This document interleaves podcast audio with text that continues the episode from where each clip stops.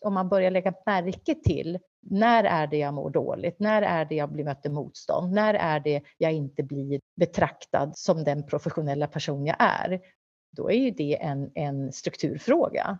Men det, det som är viktigt här och lärdomen här, speciellt då som kvinna tänker jag, det är att när man, när man mår dåligt och man känner att man är orättvist behandlad eller förfördelad eller akterseglad eller eh, eh, upplever som vi har var och en på, på arbetsplatser, då, då kan man också påminna sig om att det, det, det har inte med Många gånger har det inte att göra med en undermålig prestation utan det har att göra med det sammanhang man befinner sig i. Att eh, det är inte annat än människor vi har runt omkring oss som själva har lärt sig att eh, genom liksom, socialiseringsprocesser har de lärt sig att betrakta mig och värdera mig i förhållande till män.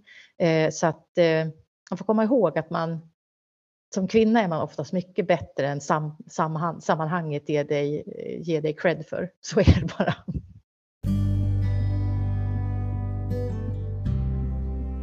Varmt välkomna till ett nytt avsnitt av poddterapeuten i serien Samtal om.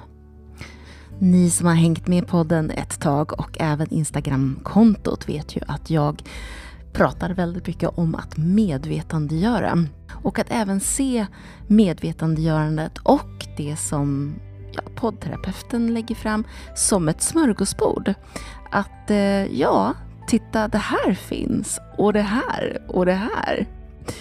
Och ni vet ju också att samtalet verkligen ligger i fokus i podden. Och därför så är det superkul att det här avsnittet just handlar om samtal på arbetsplatsen. Och idag blir det alltså säsongsavslutning och vi ska prata om avhandlingen Critical Conversations, alltså avgörande samtal av Camilla Rundberg. Camilla är PhD inom ledarskap och organisation och genus. Hon är entreprenör och affärsarkitekt, coach och föreläsare. Och det är så otroligt roligt att ha förmånen att diskutera en avhandling så här i en podd med författaren själv. Ja, det känns ju superspännande. Med oss har vi också Kristina Fransén som ni känner igen från flera andra avsnitt. Kristina är ju VD i egna bolaget Kraft och är seniorkonsult och arbetar med ledarskap och organisationsutveckling med genus och mångfaldsperspektiv. Och idag handlar alltså avsnittet om samtal på arbetsplatsen. Det handlar om hälsa, makt, om att pick your battles. Vi pratar också om starka strukturer, KASAM, meningsfullhet och om uttrycket att skapa kön i samtalet. Vad är det? Smörgåsbordet är uppdukat. Mycket nöje!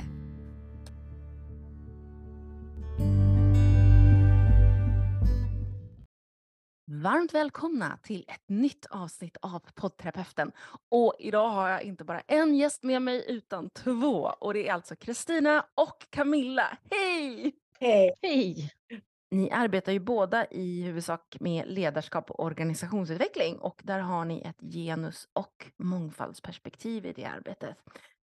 Och Kristina, du är med idag för du är en av Sveriges mest pålästa och kunniga inom just det området som Camillas avhandling också då handlar om. Och det är ju avhandlingen som vi kommer prata om idag. Mm, ska vi göra. Och Kristina, du kommer ställa frågor kring avhandlingen till Camilla. Ja, och först Malin vill jag säga tack för att du har bjudit in både mig och Camilla. Och Camilla, det ska bli otroligt spännande att du berättar om avhandlingen och att vi kan prata om den sen. Mm. Kan vi inte börja från början Camilla med avhandlingen? Den heter alltså Critical Conversations. Hur skulle du vilja översätta det på svenska till lyssnarna? Eh, avgörande samtal. Mm, avgörande samtal. För jag var lite och bollade med om det skulle kunna varit kritiska samtal eller om det var men jag landade också i avgörande mm. samtal. Egentligen så skulle man ju kunna ha kritiska samtal eftersom kritik är ju egentligen ett, neut ett neutralt alltså det finns ingen värdering i kritik. Den kan vara positiv och den kan vara negativ. Men i dagligt tal så brukar vi associera kritik med något negativt. Mm, eh, mm. och, eh, Eh, men i, på det engelska språket må ju vara för att jag inte är eh, engelsktalande då av, av, eh, från födseln. Men så critical har den här dubbla betydelsen tycker jag. Den bär med sig det hela tiden att det är någonting som är avgörande och därför kritiskt. Och inte kritiskt för att det är negativt. Eh, och det är det jag försöker fånga med de här critical conversation. Jag skrev faktiskt avhandlingen på svenska, men det var så många sådana här eh, saker som eh, avgöranden i formuleringar så till slut så valde jag engelska för att jag tyckte det fångade den här dubbelbottnade och dubbeltydigheten eh, ganska, eller mycket bättre faktiskt, eh, rakt igenom med, och med start i titeln. Mm. Och till lyssnarna då, ska vi berätta lite om vad avhandlingen handlar om? Mm. Eh, I korta ordalag så är det då en, en studie eh, gjord på ett, eh, ett eh, amerikanskt bolag som har sin verksamhet i Sverige och så har jag följt eh, ett femtontal personer i deras utvecklings och utvärderingssamtal under ett halvår. Eh, och sen har jag lyssnat in på de här samtalen, skrivit ner varenda ord och suck och kommatecken och eh, kodat det, den texten och eh, dragit ur då könskonstruktioner. Mm. Så att mm. det korta med det långa är att jag använder de här samtalen som grund till att själv öka min förståelse och de som läser boken förhoppningsvis får också en ökad förståelse i hur vi skapar kön i, eh, i utvecklingssamtal. Eh, ett kön är ju en social företeelse, eh, kan också vara en, en biologisk företeelse. Eh, ofta så brukar man ju prata om genus när man pratar om det sociala könet.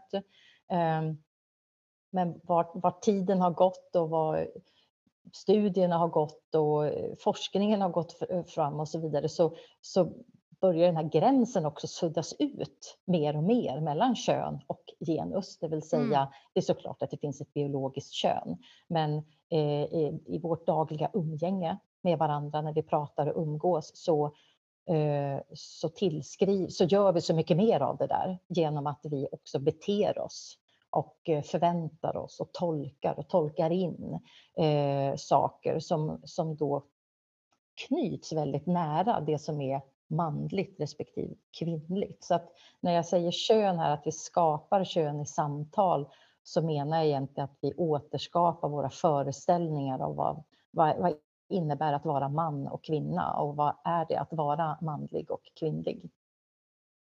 Mm, jag tänker Camilla att det där är ju ofta sådana frågor som vi får. Eh, många vill ju liksom tro att det enbart är det biologiska könet som, som styr. Mm. Medan eh, vi vet ju att det är socialt konstruerat, alltså det vi gör i relation till varandra ja. eh, har också otroligt avgörande betydelse. Ja. Och inte ja. minst när vi liksom är på en arbetsplats till exempel, eller, eller i vanligt umgänge mellan människor. Eh, och att det är väldigt identitetsskapande, så därför försöker vi leva upp till förväntningar om hur en riktig kvinna eller en riktig man ska vara. Ja, för att när man, när man, om man skalar bort allt biologiskt, det går ganska snabbt, mm. då är ju bara det sociala kvar. Ja. Eh, och och det, är ju, det, är ju, det är den dimensionen vi umgås. Vi umgås ju inte biologiskt. Vi Nej. umgås ju socialt. Ja. Det är en väldigt bra, bra tanke du säger där. Att det är ju så vi möter varandra och det är ju så vi relaterar till varandra. Ja. Och jag vet naturligtvis det utifrån våra föreställningar om hur vi ska vara. Mm. Som ja. ja. En fundering som jag fick när, när du sa att vi möter och eh, att vi faktiskt ju inte möter biologiskt. Men är det dock inte så att vi, um, när vi då ser en person så, så bedömer vi den personen först på det biologiska, att jag ser, jag ser det här och sen utifrån det sen så, så skapar man kön. Så det mm. finns ju liksom som en först ut, man bedömer ju utseendet först. Mm.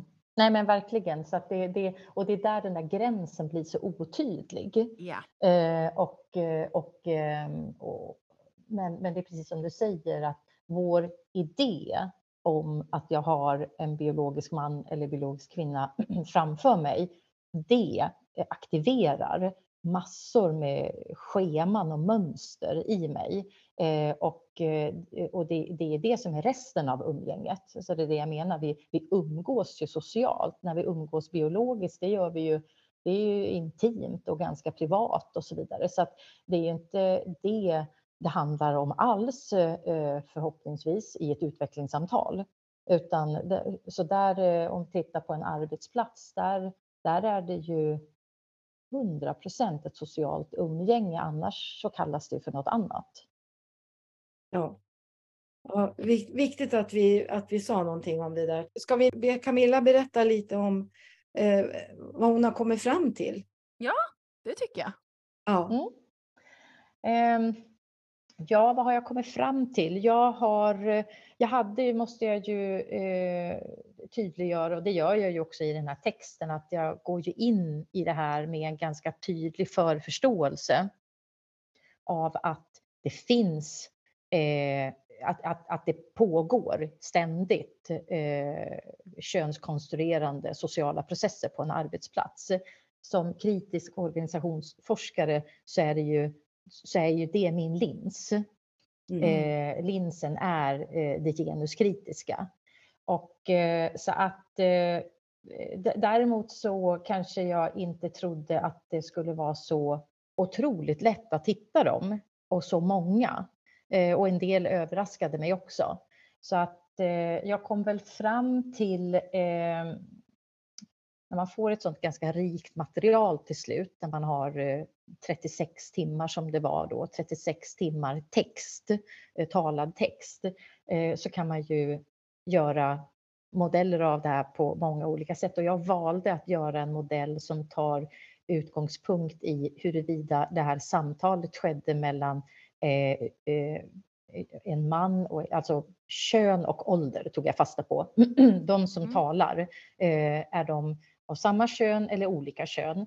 Och, eh, och, eh, och dessutom då, vem är mer senior i en, arbets, i en arbetsordning? Vilken, mm. Vem är mer senior än den andra? Yeah. Och, och eh, Camilla, det gjorde du väl därför att det, då kommer maktdimensionen in? Ja. Att det är någon med mer makt som egentligen har ansvar för, för de här samtalen i relation till någon som arbetar på den här arbetsplatsen. Ja, Nej, men det, det, är en viktig poäng att eh, det här är ett samtal mellan en, en, eh, en chef och en medarbetare. Och eh, där finns det ju då en formell maktrelation. Mm. Eh, och eh, den eh, som, som återspeglas då med hjälp av den här åldern eller senioriteten ska vi säga. Och sen mannen och kvinnan då.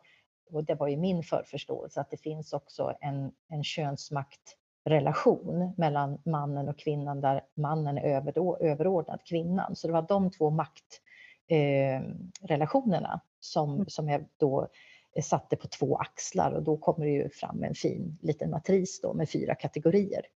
Eh, och, Eh, och då väldigt kort så kunde jag väl eh, konstatera något som jag också kanske hade förutsatt eh, se, att när det är två män som diskuterar eh, oavsett, alltså två män, både som chef och medarbetare, då blir samtalet väldigt eh, energifyllt och drivet, specifikt. Eh, och eh, det blir ett väldigt viktigt samtal för den här medarbetaren för hans karriärutveckling. Eh, när mannen är chef och kvinnan är medarbetaren det kanske var det samtal som förvånade mig mest faktiskt. Eh, samtalet eh, handlade snabbt om eh, medarbetarens, det vill säga hennes privata liv. Mm. Väldigt mycket om hennes privata, eh, eh, ja, hur, eh, hur det ser ut där hemma hos henne. Om hon är gift eller inte, om hon har barn eller inte, om hon är, om hon är frisk eller inte. Mm. och dessutom, och det som förvånade mig kanske mest var att konstigt nog så handlade inte samtalet eh, lika mycket om hennes utveckling som om hennes möjlighet att eh, eh, förstärka han i sin roll som chef. Just det. Eh, det var... Eh, mm. Jag kanske missade det i början, men vad var, vad var själva syftet med de här samtalen från, från deras perspektiv? Ja, just det. Också en väldigt viktig sak kanske att lägga här i förväg. Eh, syftet är, det är ett utvecklings eller ett utvärderingssamtal. Jag säger eller därför att det här är ju en formell process som finns i alla stora bolag. Att man ja. har en återkommande eh, samtal med sin chef. Eh, och en del kallar dem för utvärderingssamtal och en del kallar dem för utvecklingssamtal. Det beror ju på om man lägger tonvikt på att bedöma det man har gjort eller om planera på det som ska komma framgent. Mm. Eh, och i det här fallet så gör man både och. Dessutom gick det här, sam det här företaget, var därför det var så intressant att studera just den här formella arenan tyckte jag av samtal för att de gick från att ha såna här samtal en till två gånger per år till att ha dem en gång i månaden. Eh, och vilket inte alls är ovanligt. Det här är, är ett ganska stort företag som också sätter standard i en bransch och så vidare. Så att eh, jag, jag ser det här eh, har sett det här spridas nu under de senaste fem åren också. Att fler och fler gör detta och man kallar det för allt möjligt. Man kallar det för growth talks, meaningful conversations. Alltså man, man hittar nya sätt att gå ifrån eh, att prata om utvecklingssamtal eller utvärderingssamtal för att just lägga betoningen på att nu ska vi titta framåt och utveckla oss. Mm. Eh, och, eh, och då var ju min, eh, min min kritiska blick eh, och inställning till det här gjorde att nu blir det inte bara en till två gånger per år vi kommer att skapa kön, utan nu är det en gång i månaden som vi kommer att skapa kön. Mm. Därför blir det ju ännu, ännu viktigare i den här utvecklingen som du ser pågår. Mm. Och jag tänker att det är i företag, eh, många offentliga organisationer tror jag fortfarande utan att jag kan veta hundra, men att de bara har något sånt här samtal om året. Mm. Eh, då gör man ju en planering naturligtvis för ett helt år framåt. Men här mm. är det ju ett ongoing samtal om dels vad du gör, hur du klarar det och hur du ska jobba framåt för att göra en bra karriär där helt enkelt. Då blir det ju ännu viktigare att det här sker på lika villkor. Att det inte ska vara skillnad om man är kvinna eller man när man sitter i de här samtalen. Nej, verkligen. Och det är, det är ju för företagets väl, tänker jag. Alltså självklart också för individen, men det, det är därför det här samtalet är så intressant, därför att det skär verkligen individens det korsar individens ambition med, med företagets målsättningar. Det är väl därför det utvecklas åt det här hållet, därför att man förstår verkligen att det människor gör och hur vi planerar för framtiden påverkar hur det faktiskt går för det här företaget. Det är ju egentligen hur man alltid har tänkt att de här samtalen ska ju också vara inom ramen för där man, där man verkar, inom verksamhetens ram. För att det är här du liksom har möjligheterna både att göra ett bra jobb och få en bra utveckling. Och jag, jag har ju saknat det där många gånger, att man inte kopplar ihop det, utan att det blir mer som, ja vad vill du göra då framåt? Mm, eh, mm. Men här har man ju verkligen förstått att, att det här hänger ihop, hur viktiga människorna är i en organisation och verkligen ska lyckas.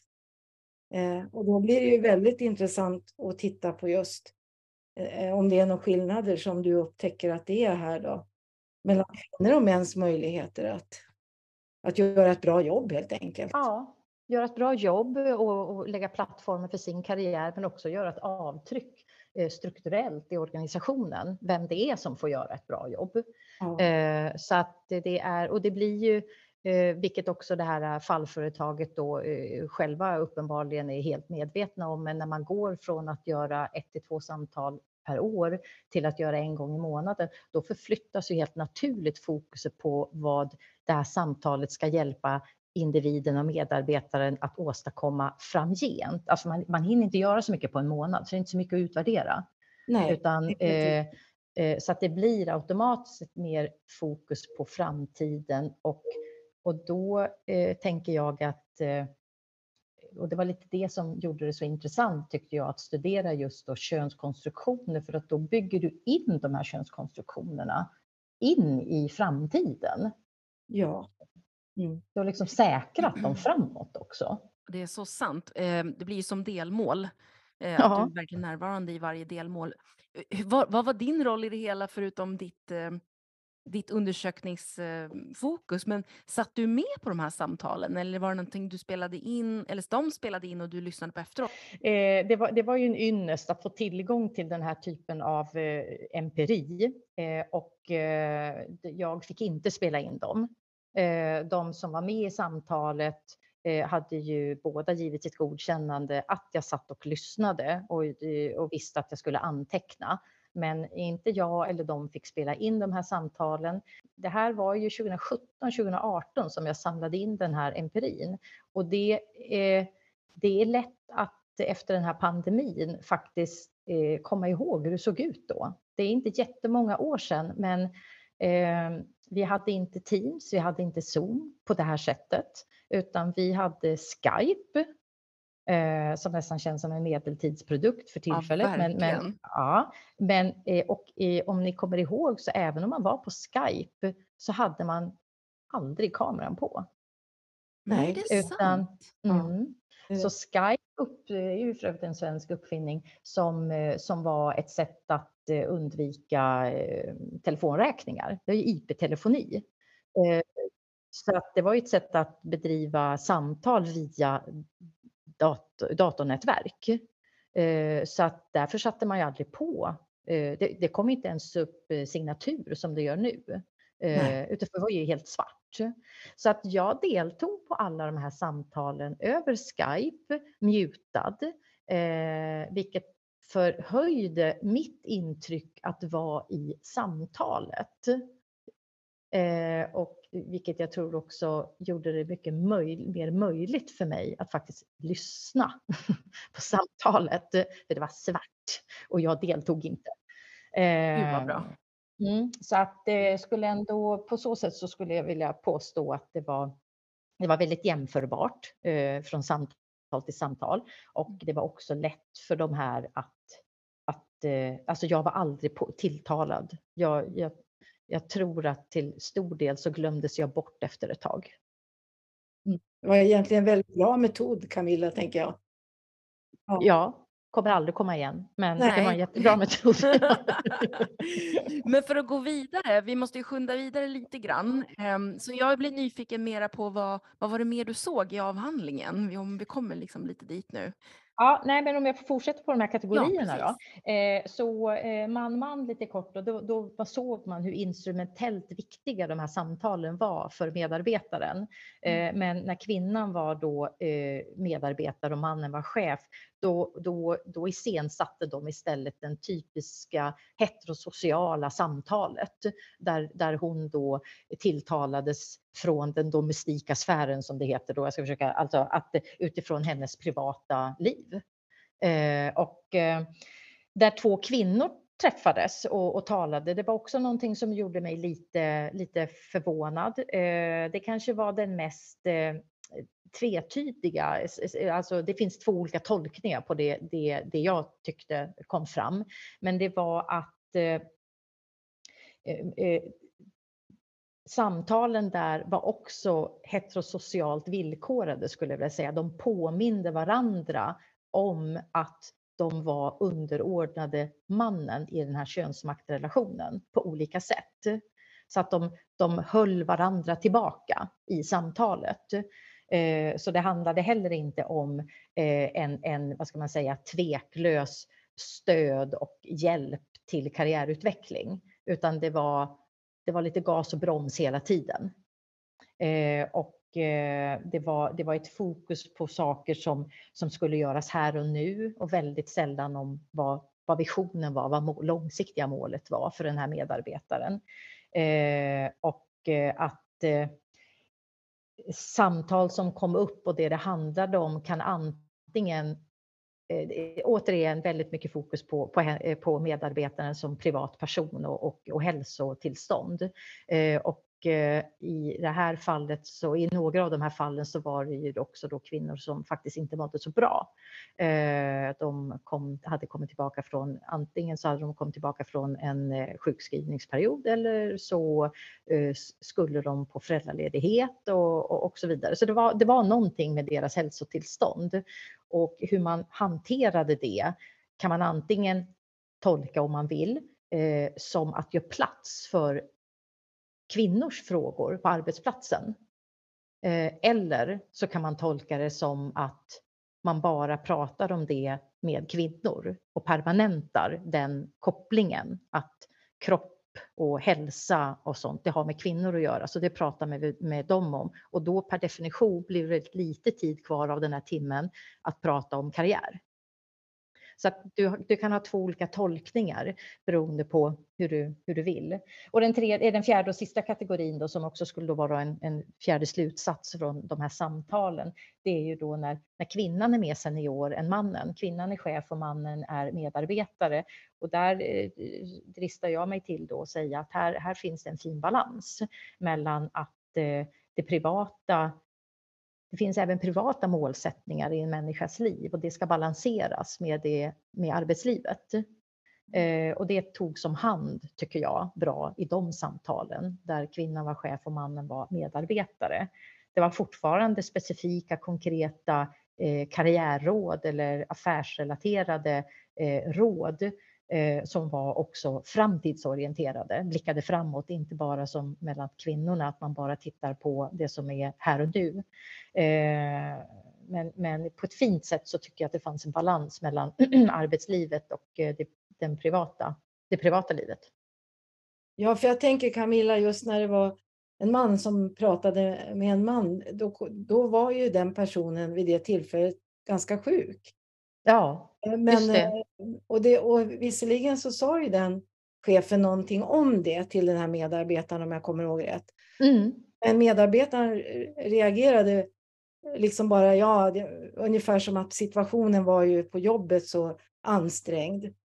Eh, så, var det så? Ja, det, alltså precis. Han, han borstar ju bort det här helt och hållet, den ja. här yngre medarbetarna. Han, han, han säger ju till och med att eh, Eh, det, är, eh, det, det, är bara roligt eh, med, med, med allt som pågår.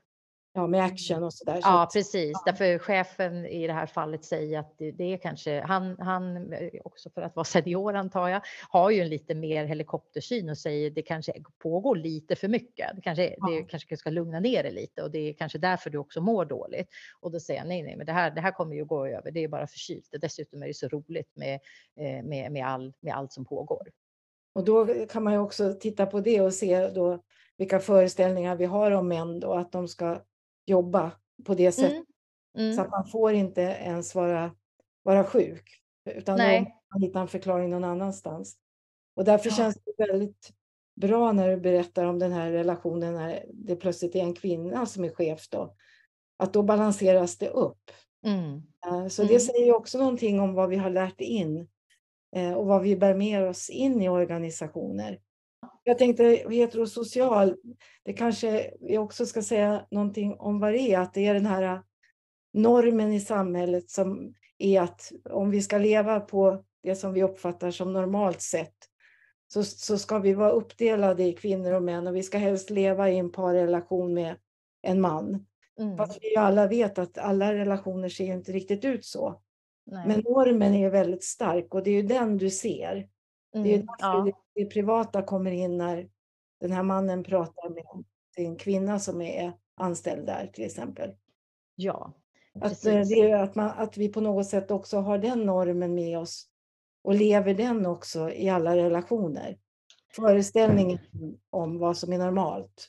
Ja, ja mm. nej men verkligen och det är ju eh, när, när, när, när det är två män eller två kvinnor i det samtalet, då har vi ju per definition då en homosocial situation. Ja. Ja. Eh, och att, eh, men det var ju också en, en eh, och den här homosocialiteten mellan män, den har ju blivit studerad sedan tidigt 70-tal eh, och eh, att, den, att det är också en eh, den influerar kulturen på en arbetsplats väldigt starkt. Men homosocialiteten mellan kvinnor har ju inte studerats lika flitigt. Mm. Men, men när man har gjort det så kan man ändå konstatera att homosocialiteten mellan, alltså förhållningssättet mellan kvinnor, det är inte lika karriärbefrämjande som förhållningssättet mellan män är för män. Nej. Eh, och, eh, så att, och heterosocialt då, det är uppenbarligen då att förhållningssättet mellan man och kvinna eller kvinna-man. Mm. Eh, och den är då väldigt eh, laddad med, vår, med det här traditionella synsättet att allt som har med mannens universum eh, är, är överordnat det som kommer från kvinnans universum. Eh, och det tar sig uttryck då i till exempel löneskillnader eh, som vi fortfarande har. Det där tycker jag du sa så bra. Eh, eh, alltså det var så kraftfullt. Kan inte du säga det igen för lyssnarna? För det var så ja. kraftfullt det du sa där med universum och jag tror att många liksom spände upp öronen. Ja, ja just det. Ja. Ja, vi, ska, vi ska äras den som äras bör. Det är Silvia Gerardi, eh, nu levande och fortfarande aktiv forskare i Italien som, som myntade just det uttrycket 1990, på 1994. Att, eh, att vi lever i, lite som Kristina nämnde, att vi, har, vi, vi tenderar hela tiden att sortera in män och kvinnor i olika områden, fack, eh, nivåer och så vidare. Och då pratar pratade ju Silvia Gerardi om det, det, det maskulina universumet i förhållande till det kvinnliga, det feminina universumet. Och eh, dessa må aldrig mötas. Ah. och, eh, och att det, det manliga universumet är då överordnat det kvinnliga och i det manliga universumet så ryms då allt det här som vi, vi på olika platser och i olika tider, vi fyller ju de här med olika saker, men universumet behålls intakt. Men vid olika tider och vid olika eh, platser i världen så, så, eh, så fyller vi ju att vad, vad är att betrakta som manligt och maskulint? Det lägger vi i det manliga universumet och det som vi betraktar som kvinnligt och passande för att vara en kvinna, det lägger vi i det kvinnliga universumet. Eh, men allt det som kommer ut ur det manliga universumet då har en tendens då över tid att alltid eh, värderas högre än det som mm. kommer ut ur det kvinnliga universumet. Mm. Och det här, är, det här är viktigt, det var bra att du stannade yeah. upp där. Men det, det som är viktigt här och lärdomen här, speciellt då som kvinna tänker jag, det är att när man, när man mår dåligt och man känner att man är orättvist behandlad eller förfördelad eller akterseglad eller upplever som vi har var och en på, på arbetsplatser, då, då kan man också påminna sig om att det, det, det har inte med Många gånger har det inte att göra med en undermålig prestation utan det har att göra med det sammanhang man befinner sig i. Att eh, det är inte annat än människor vi har runt omkring oss som själva har lärt sig att eh, genom liksom, socialiseringsprocesser har de lärt sig att betrakta mig och värdera mig i förhållande till män. Eh, så att eh, man får komma ihåg att man som kvinna är man oftast mycket bättre än sam, sam, sammanhanget ger dig, ger dig cred för. Så är det bara.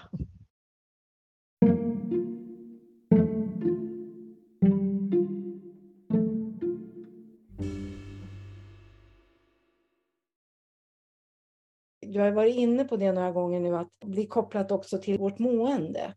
Mm. Och jag vet, mm. du och jag har pratat mycket om det, Camilla, hur vi tänker kring det. Mm. För om man är då mm. kvinna och du har ju till och med det i dina svar här. Vad tänker du om liksom att vara i en situation där man inte får samma förutsättningar? Vad betyder det när man är kvinna för, för hälsan helt enkelt? Ja, jag tänker att eh, eh, jag tror att i, i vår västerländska värld så har ju vi blivit förförd av eh, psykologins eh, teorier och lärdomar ganska länge. Och att eh, vi har, eh, jag tror att det kanske också har någon rot i vår egen liksom, liberalism och frihetsgörelse och tro på oss själva och som individer och så vidare. Men, och det där gifter sig väldigt snabbt och lätt med psykologin som utgår ifrån att vi är vår, liksom, eh, vi är våra förtjänster och vi är våra misslyckanden. Eh, mm. Men jag tror att det där är väldigt det där spelar ju händerna på de som sitter på makten. Mm. och, eh, och det bara slår, det blir dubbelfel för de som inte sitter på makten. För de kan inte göra åt någonting åt sin situation och dessutom får höra att det är deras fel. Så att jag mm. tror att det, det, är väldigt viktigt. Det här tror jag kan vara eh, det som har drivit mig att skriva och göra den här avhandlingen. Det är just liksom för att eh, återvända till teorier som du Kristina känner mycket väl till från 70, 80 och 90-talet där man just gav strukturen eh, en, en, en, plats. Att eh, när jag förhåller mig till en individ på min arbetsplats, då förhåller jag mig inte bara till en, en individ, jag förhåller mig också till hela arbetsplatsens struktur och kultur. Ja. Eh, och det, det, det, är en, det är en relation i sig. Eh, och den relationen den kommer färga alla mina samtal, alla mina möten med enskilda individer.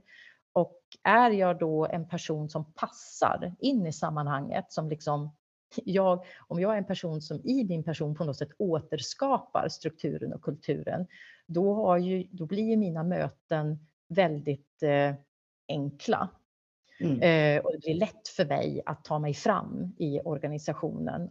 Men om jag är en person som inte motsvarar eh, som idolbilden eller idealbilden av en, av en medarbetare eller chef, då kommer jag att ha ett helt annat motstånd och mottagande i varenda enskilt möte med mina kollegor som är mycket jobbigare, som innehåller mycket mer friktion och ifrågasättanden och eh, gliringar och blickar och suckar. Och det här är ju ett arbete, det kallas för emotionellt arbete, emotional labor.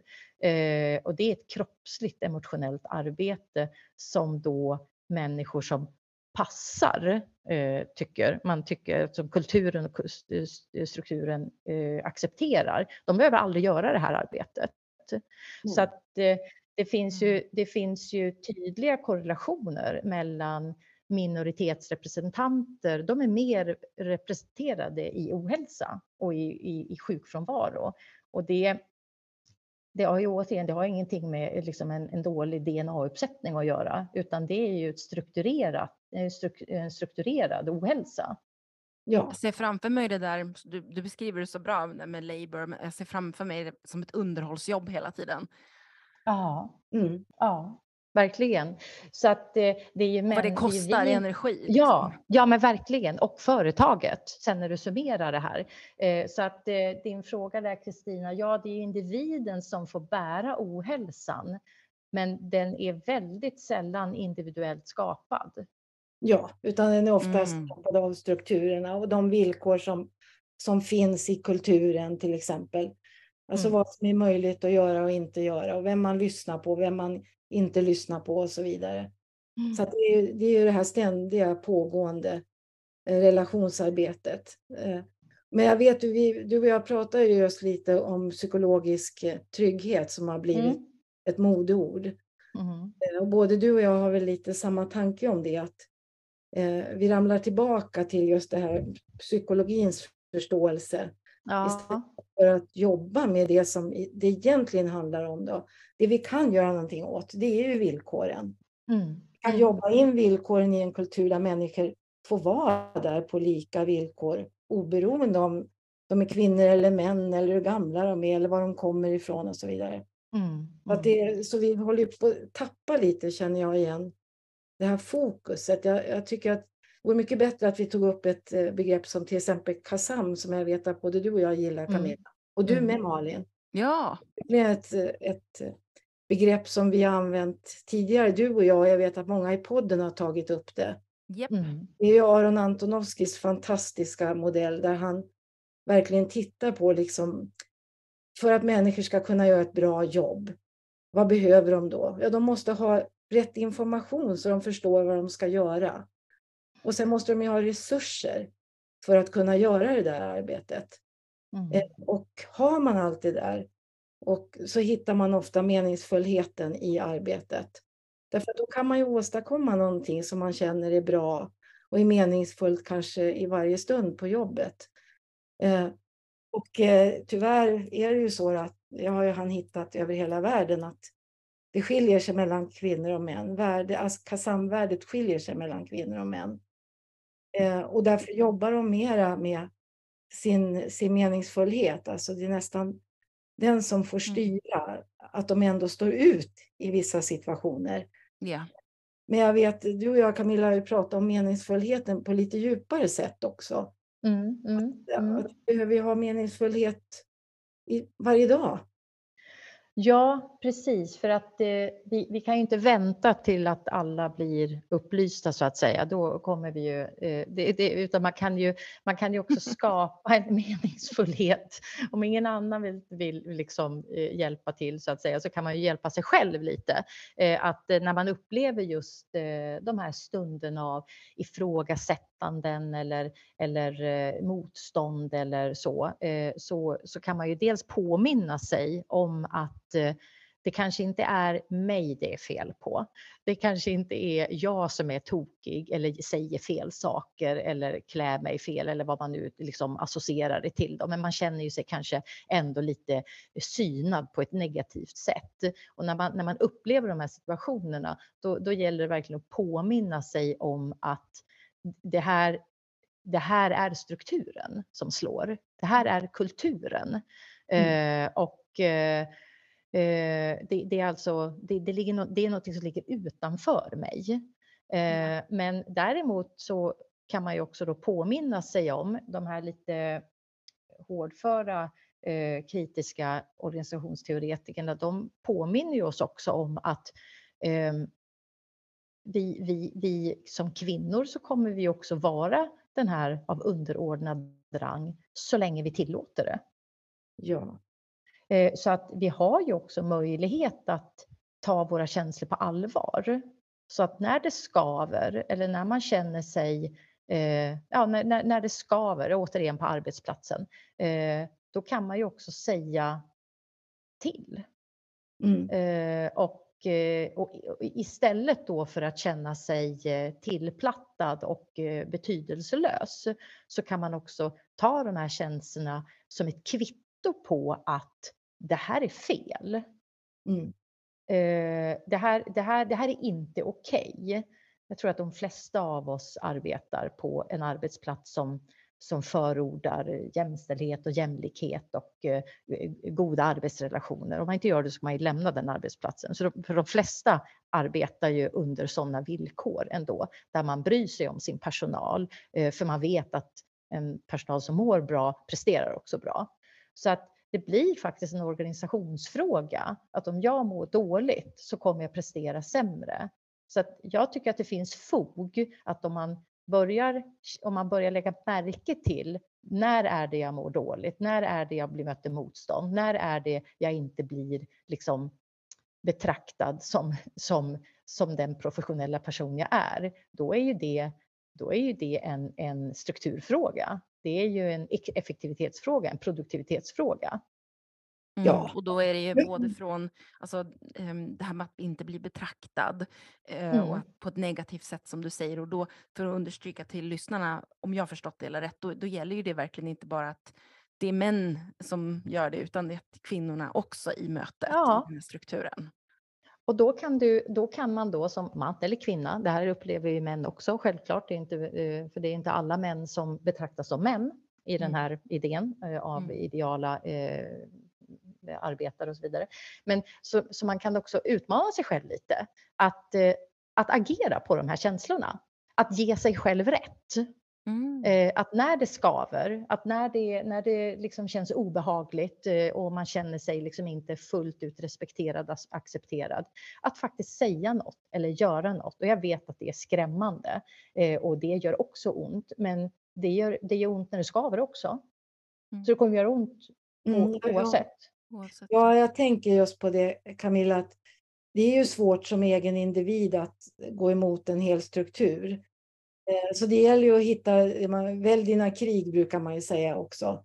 Och det kan ju vara viktigt, men att, att man kan hitta också människor som man, man kan börja prata med om du inte kan göra någonting precis i stunden. Kan du säkert prata med någon och berätta hur du känner. Och så kanske ni helt plötsligt är två och då, sen kanske ni är tre. Och då är det lättare på ett möte att säga, men, men varför gör vi så här? Eller hur kommer det sig att den här situationen ser ut på det här sättet? Eller hur kommer det sig att jag har mindre lön än vad Kalle har här som står bredvid mig och gör samma jobb?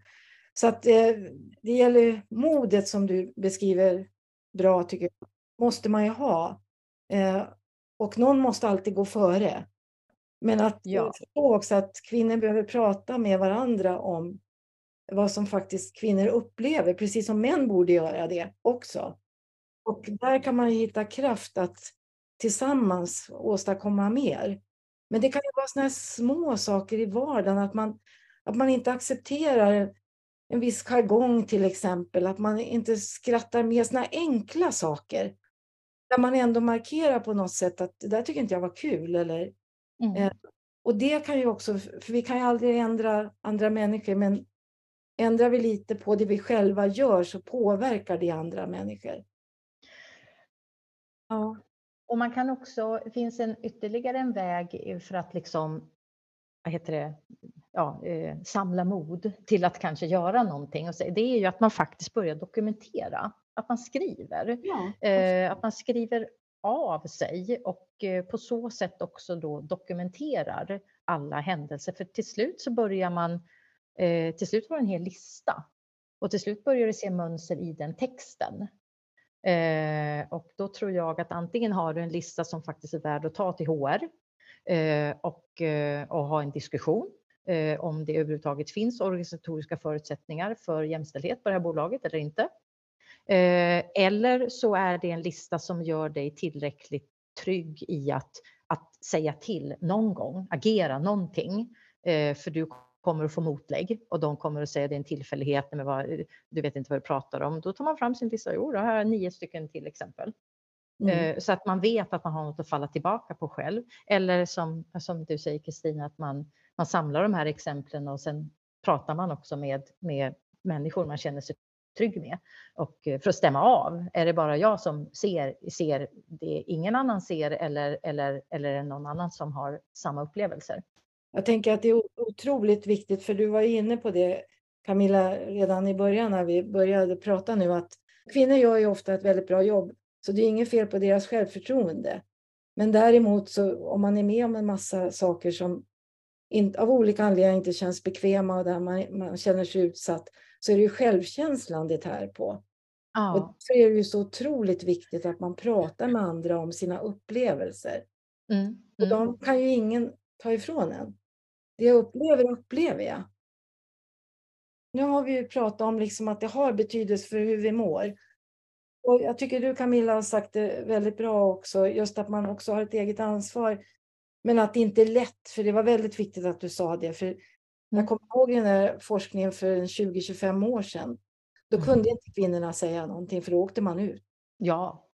Det, var det är annorlunda nu. Så. Det är lite annorlunda det, nu. Mm. Ja, så därför har det ju hänt någonting. Ja. Så att det är ju mera möjligt. Man kan protestera. Mm. Det har ju metoo visat att man kan. Ja. Mm. Så att det, det, har ju verkligen hänt någonting. Så att det går ju. Men vi kanske skulle säga bara någonting om vikten av att ha kunskap inom det här området. Eh, Camilla, nu har vi ju pratat om väldigt mycket viktiga saker och just betydelsen av att se och förstå och till exempel också kunna dokumentera det man faktiskt är med om och så. Men det som väl både du och jag har lärt oss genom att vi har jobbat med frågorna, det är ju hur viktig kunskap är. Alltså ja. vi behöver ju få kunskap för att vi ska se.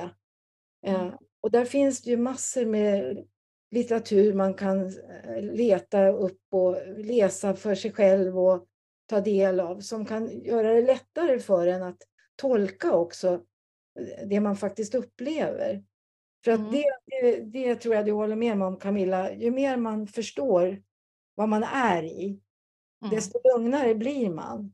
Ja. Då kan man agera mera tryggt. Och då kan man också bedöma, liksom, ska jag säga någonting här eller ska jag inte göra? Eller till och med mm. gå in på ett möte och ha liksom den här inställningen att ja, det ska bli intressant att se vad som händer här idag. Mm. Mm. Att, liksom att man har den tryggheten i mm. att man förstår. Ja. Mm. Nej, men jag, jag eh, håller verkligen med om det. Jag tror att man kan finna ro.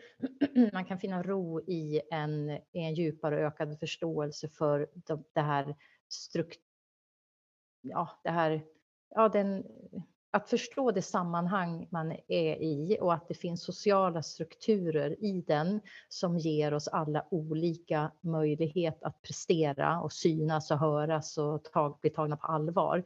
Att, att förstå att det förhåller sig på det sättet, det tror jag lugnar. Eh, det har lugnat mig i min egen resa i att eh, jag behöver inte ta det personligt.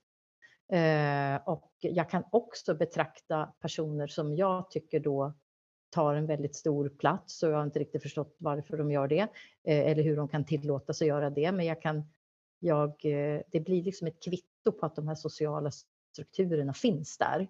Mm. och, och vill man vara riktigt modig så, så kan man möta de här personerna en och en när de är utanför strukturen. För då kommer de bete sig helt annorlunda. Ja. Mm, så att det är också strukturen som ger en del en plattform och andra rycker undan mattan för dem. Mm. Eh, men om man då kan mötas på andra eh, sätt eh, och utan liksom mobben, då, då, brukar man få till, då brukar man få till andra samtal. Ja. Eh, avslutningsvis, för tyvärr måste vi börja avrunda, men jag hade så gärna velat lyssna Kristina, du ställer så fantastiska frågor och Camilla, du förklarar så bra. Eh, mm. vad, vad, kan du ge Camilla, kan du ge ett exempel? För nu har vi pratat väldigt mycket om eh, ja, att man kan föra journal, man kan prata med andra. Kan du ge lyssnarna ett exempel på en så, hur en sån upptäckt eller en sån mening skulle kunna vara? Hur kan den låta? Ah, Okej, okay. när man upptäcker strukturen så att ja, säga. Ja, vad kan det vara för okay. till exempel? För, hur kan det låta? Liksom? Eh, ehm, eh, från vems perspektiv tänker du då? Från, från, låt säga den personen som upplevt det här eh, ohälsosamma skavet. Ja, eh, för, för jag tror att det är en, eh, en, en stegvis process där, där det först handlar om att om vi nu ska vara verkligen konkreta och, och, och liksom realistiska, så mm. tror jag att det först handlar om att faktiskt skriva ner sina känslor. Yeah. Att göra dem viktiga och att vara eh, det, detaljrik i att beskriva sin upplevelse. Eh, och eh, när man har givit sina känslor och sin upplevelse och sin erfarenhet den respekt de förtjänar, då, då kommer då kommer det att låta annorlunda längre fram. Eh, för då har du stillat din oro och din frustration och din ledsamhet. Eh, och då kommer du att kunna bli mer faktaorienterad eh, längre fram. Så att nu, nu, det här är ju rent terapeutiskt som vi ändå behöver. Vi behöver ju liksom vi behöver ju hålla vår egen hand här. Så handlar det först om att liksom respektera och acceptera de känslor vi sitter på. Och när, när den rösten är stillad, då kommer man att kunna göra lite mer sakliga eh, observationer om vad det är som har hänt. För, och då börjar man förstå varför man blev så upprörd. Och då kan det vara till exempel saker som att eh, Eh, jag tar några ur verkligheten. Eh, en, en kvinna inser att eh, hon kommer tillbaka från sin mammaledighet efter att ha arbetat på, på den här eh, eh, banken i fem år och arbetat upp en fin kundstock. Men när hon kommer tillbaka, då får hon börja på noll. Hon får inte ta tillbaka sin kundstock.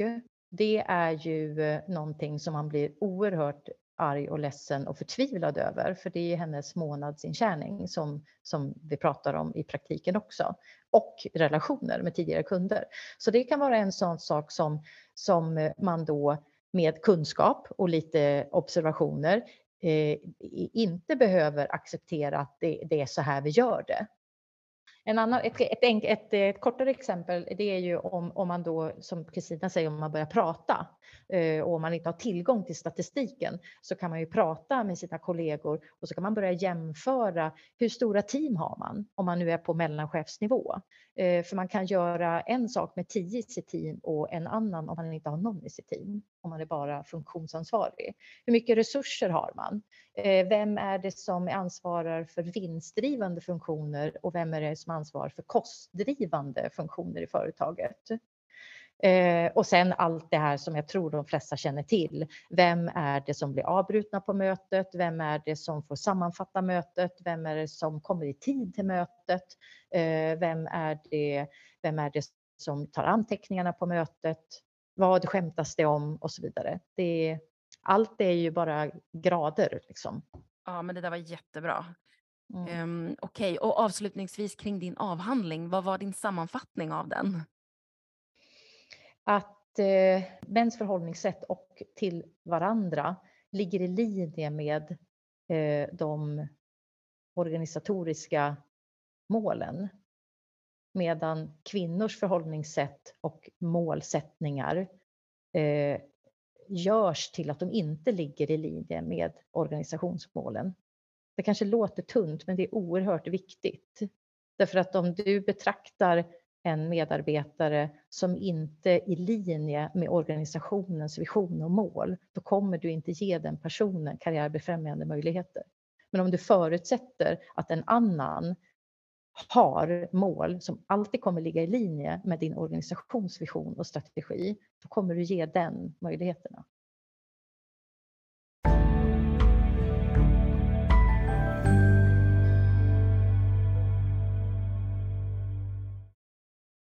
Vi har ju många lyssnare som också har en annan könsidentitet idag. Mm. Um, hur, hur får du in det, eller hur får vi in det? vi pratar mycket om mm, mm. heteronormativt då. Um, sådär, hur, hur, kan vi... Ja, jag, har, jag nämner det att eh, jag gör ju det här. En del kan ju säga att jag gjort det enkelt för mig, att jag tittar på en, en binär könsdefinition. Eh, och eh, men jag har valt att inte eh, lyfta in andra aspekter överhuvudtaget mm. av eh, exkludering. Eh, vare sig ja, ålder implicit då, eftersom vi har den här karriärssenioriteten. Ja, Men jag har, jag har inga andra diskrimineringsgrunder med i avhandlingen. Men det, det angränsar ju till det och jag tycker att det är, eh, det är eh, lika självklart att lyfta in det som, och, i relation till, till kön och andra aspekter eh, i, i det här verkliga livet och det verkliga samtalet. Mm, jättebra, för att det kan ju finnas någon som undrar, men, men som du brukar säga Kristina, att även en person som identifierar sig eh, till exempel icke-binärt måste ju fortfarande förhålla sig till den här, det här universum som, du, mm. som ni beskrev här. Mm. Så det är mm. fortfarande det, det som är normen inom situationstecken. Ja, och till strukturen och kulturen på Exakt. arbetsplatsen. Precis. Camilla, nu har inte vi hunnit prata så mycket om dig. Du finns på Even Odds, eller hur? Är det ditt företag? Jag har ett företag som heter Evenodds som gör eh, digitala eh, eh, verktyg då för chefer och ledare att, eh, att eh, öka sin förmåga och sina förmågor till att vara inkluderande ledare och chefer. Eh, jag är hemmahörande i en konsultorganisation i Stockholm idag som heter Influence People.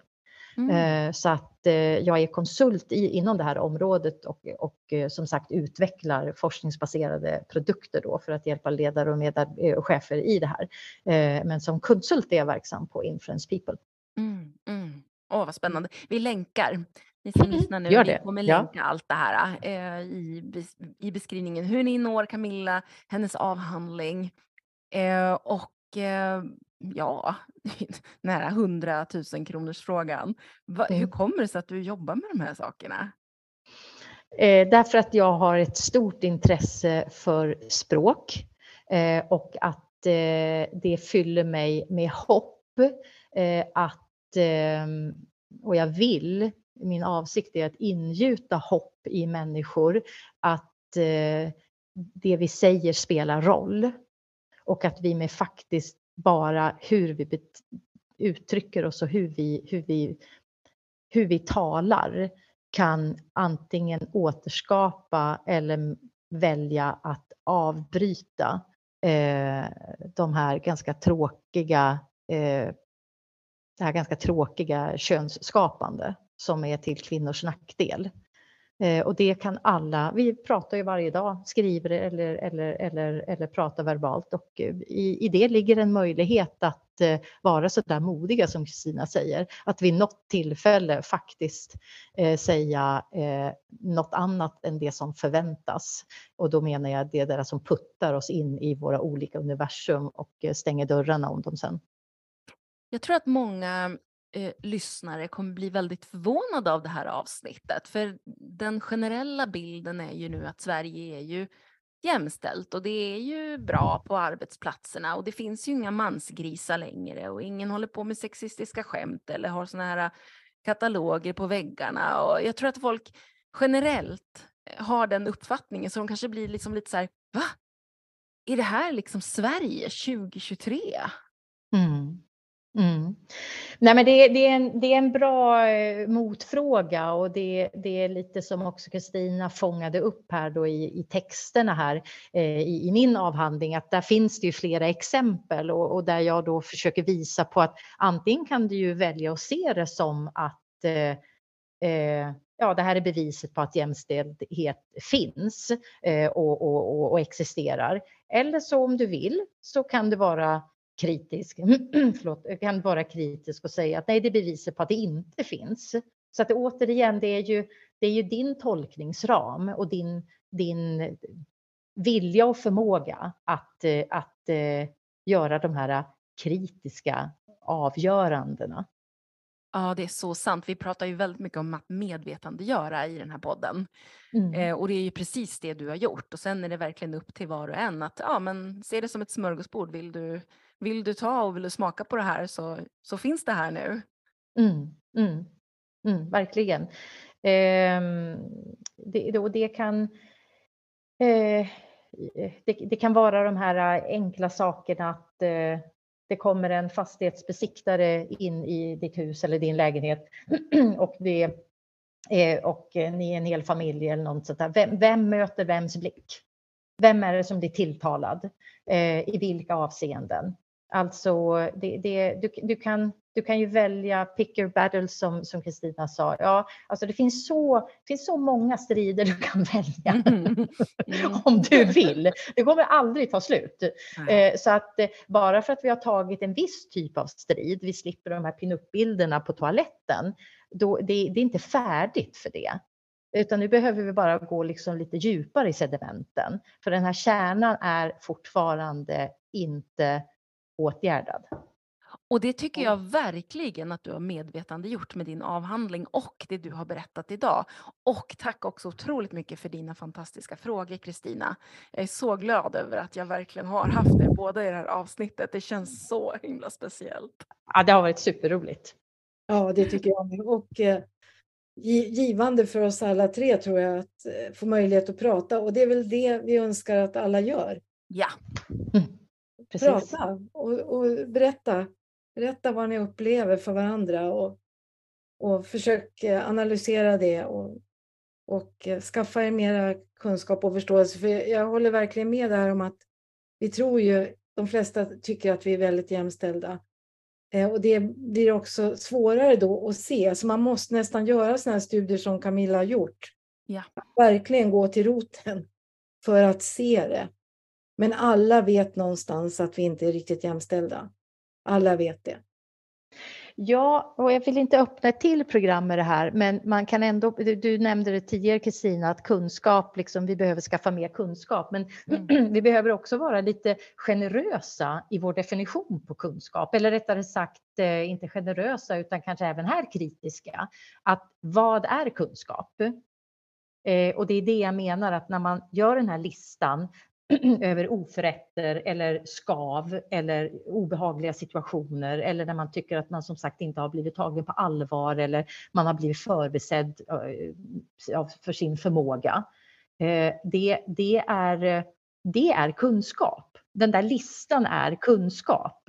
Eh, och det är inte åsikter eller, eller, eller uttryck av frustration eller att man vaknar på fel sida. Eller att det är känslor inom situationstecken. Utan det är ju reaktioner eh, på, på, på någonting.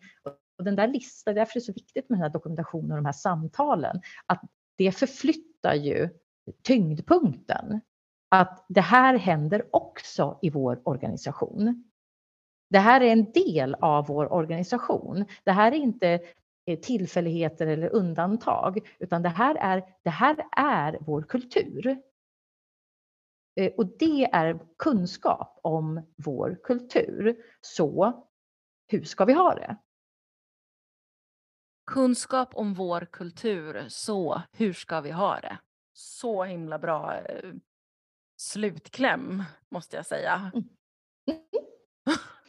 Härligt. Då kan, vi av, då kan vi med gamla metoder eller synsätt tycka att oj, nu ramlar vi tillbaka. Eller så är det nej, men det här är ju vårt liv. Det här är ju vårt synsätt. Så att det må vara kvinnor som är bäst och duktigast och mest ser det privata, men låt det då ta plats. Ja, det var riktigt bra sagt Camilla. Jag håller helt och hållet med. Ja, jag med.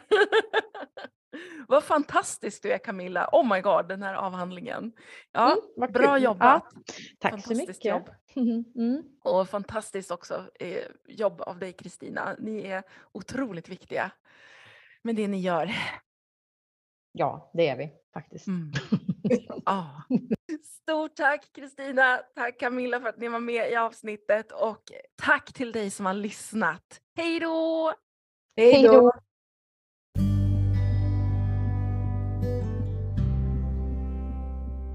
Och det där var allt för dagens avsnitt av poddterapeuten. Stort tack Camilla och Kristina och all info om hur ni kan hitta Camilla och även hitta avhandlingen finns i informationsboxen nedan.